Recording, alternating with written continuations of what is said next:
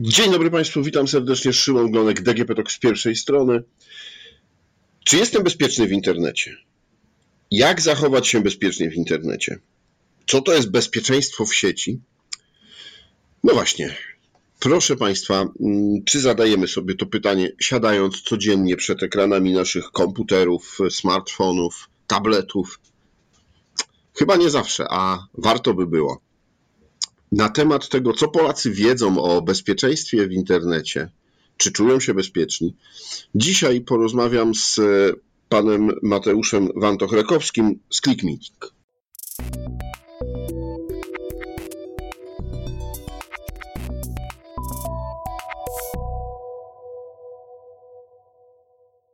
Dzień dobry. Dzień dobry. E, panie Mateuszu, Przeprowadziliście badania wśród internautów, w których y, aż 65% y, mówi, że y, martwi się o swoje bezpieczeństwo w sieci. Dlaczego? Czy nie czujemy się bezpiecznie w internecie?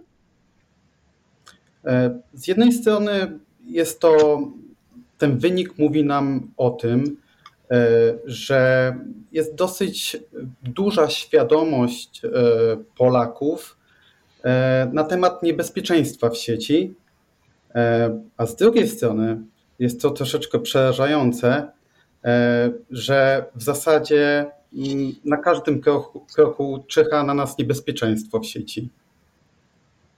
Mhm. A 35% według wyników tego badania, 35% internautów w Polsce padło ofiarą cyber przestępców.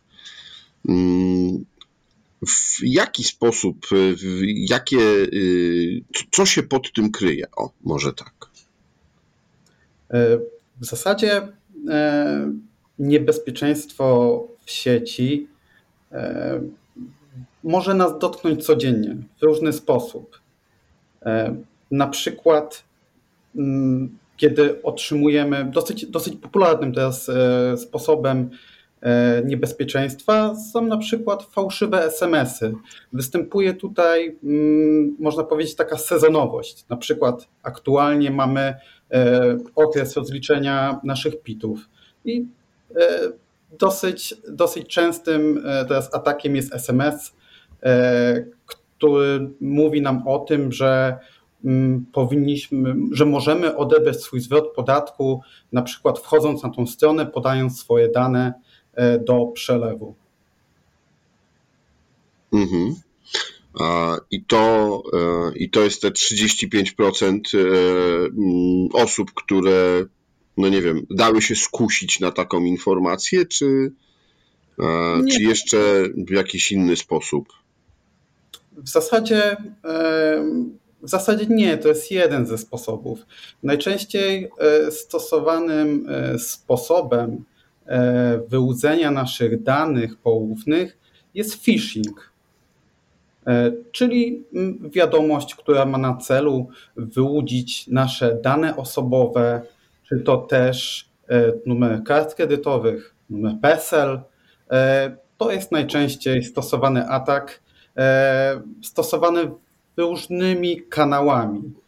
Może być to wiadomość e, e-mailowa, może to być właśnie SMS, o którym wspomniałem. E, w zasadzie każdym kanałem komunikacji takie wyłudzenie może zostać przeprowadzone. Ja sobie tutaj e, spoglądam na te wyniki badań i jest napisane, że to dotyczyło czy rozpoznało coś takiego, taką próbę 11% e, Polaków e, będących w internecie, tak, korzystających z internetu.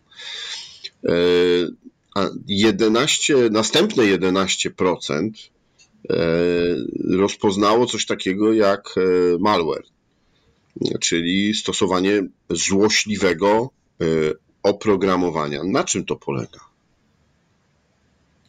E, malware to jest e, aplikacja, program bądź część kodu, e, który infekuje nasze urządzenie. Może być to komputer, może być to telefon komórkowy, a może być to tablet. Najczęściej mm, objawia się to tym, że nasz komputer działa wolniej poprzez wykorzystywane zasoby przez ten program. Może być to natłok denerwujących reklam, może objawiać się to tym, że nasz system się zawiesza, bądź utrata miejsca na dysku. E, może być to też mm, może być też to mm, objaw tego, że nasz, nasza strona startowa przeglądarki zmieniła się bez naszej ingerencji. Mhm. Ale y, jak takie oprogramowanie, jak taka aplikacja dostaje się? No przecież ja jako e, użytkownik mojego e, smartfona czy mojego laptopa, no wiem dokładnie, co instaluję. Można powiedzieć tak, że mm, najczęściej e, hakowany jest człowiek, a nie nasze urządzenie. Bez, bez tej ingerencji e, człowieka e, nie doszłoby do ataku. Najczęściej mm, to, ta aplikacja jest instalowana przez mm, to przez nasze niedopatrzenie. Na przykład wysyłany jest link e, SMS-em, czy to e, na pocztę e-mail, e, który prowadzi na stronę internetową, z której właśnie jest to oprogramowanie pobierane. I mhm. to i właśnie my musimy stwierdzić, czy ten link E, jest prawdziwy czy też fałszywy. I właśnie mm, to jest ciężkie, bo, bo nie każdy ma świadomość e, tego. Mm, nie zawsze, nie każdy ma świadomość e, tego, jak prawidłowy link powinien wyglądać. Mhm. No to jeśli byśmy mieli dać wskazówki naszym słuchaczom, osobom, które e, może właśnie nie do końca są świadome tego, jaki link jest dobry, a jaki zły, albo na co zwracać uwagę, co powinno zapalić w głowie czerwoną lampkę, zanim skorzystamy mm, z, czy klikniemy w coś w internecie. To na co zwrócić taką uwagę? Przede wszystkim musimy najpierw zweryfikować nadawcę danej wiadomości. E, Pierwsze co, to weryfikujemy adres nadawcy e, i domenę adresu nadawcy. E, prze, przeważnie mm, taka wiadomość z linkiem, ze złośliwym operowaniem jest niepoprawna gramatycznie. Należy też sprawdzić na przykład organizację nadawcy, na którą się powołuje. E, należy też e, zwrócić uwagę na to, czy nadawca wiadomości e, zwraca się do nas z imienia i nazwiska, a nie na przykład mój drogi przyjacielu. Najczęściej też mm, wiadomość, która zawiera link do złośliwego operowania, zawiera jakiś, jakiś obraz. Trzeba zweryfikować, sprawdzić, czy ten obraz E, posiada odpowiednią rozdzielczość. Najczęściej te obrazki są niskiej rozdzielczości, nie pasujący do całego szablonu wiadomości. No i jak najedziemy kursorem myszy na e, obrazek, wyświetli nam się link, e, na który przekierowuje strona. I mm, najczęściej są to strony z domenami zagranicznymi. E, linki zazwyczaj takie zawierają jakieś, mm, jakiś ciąg znaków niepasujący do siebie. E, no i należy też sprawdzić, czy e, link tej wiadomości jest zabezpieczony certyfikatem, czy właśnie posiada protokół HTTPS czy zwykły HTTP. Mhm. No to są takie bardzo ważne wskazówki. E, państwo też oczywiście zapytaliście, e, czy Polacy czy polscy internauci znają narzędzia, znają możliwości zabezpieczenia się swoich danych przed y, różnymi atakami e, i przed schakowaniem ich. No i można powiedzieć tak, że aż 52% y, wypełniających ankietę powiedziało, że wiedzą, jak zadbać o swoje e, bezpieczeństwo, znają takie narzędzia, ale z drugiej strony można powiedzieć, jejku, 40%, 48% y, osób y, nie wie, więc jest potencjalnie, a nawet nie tylko potencjalnie, ale bardzo realnie narażonych na te wszystkie zagrożenia, o których przed chwilą mówiliśmy. E, tak, dla mnie ten wynik e, też jest szokujący, ale szokujący dlatego, że prawie 50% ludzi nie zna takich narzędzi. E, wydaje mi się, że jest prowadzonych za mało akcji, kampanii społecznych, które by uświadom, uświadamiało społeczeństwo, że takie narzędzia istnieją i trzeba z nich korzystać, bo zagrożeń w internecie jest naprawdę bardzo dużo. Mhm.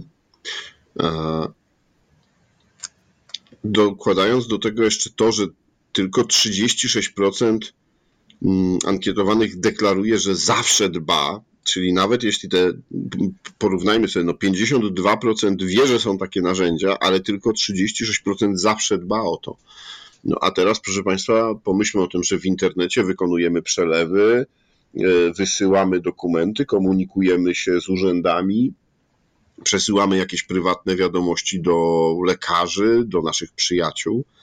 No to 60% osób w Polsce może w łatwy sposób paść y, właśnie y, łupem, łatwym łupem y, jakichś przestępców internetowych. Jakie powinny być te zabezpieczenia? Jakie najprostsze narzędzia użyć, żeby się zabezpieczyć, żeby jednak mieć poczucie, że nasze dane nie są od tak po prostu dla każdego dostępne?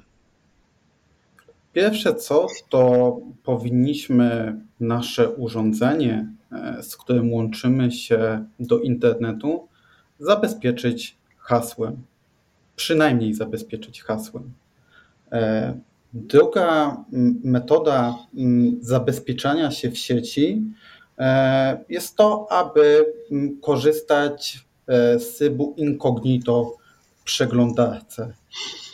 Przede wszystkim tego typu incognito powinniśmy korzystać na urządzeniach, do których ktoś inny też może mieć dostęp.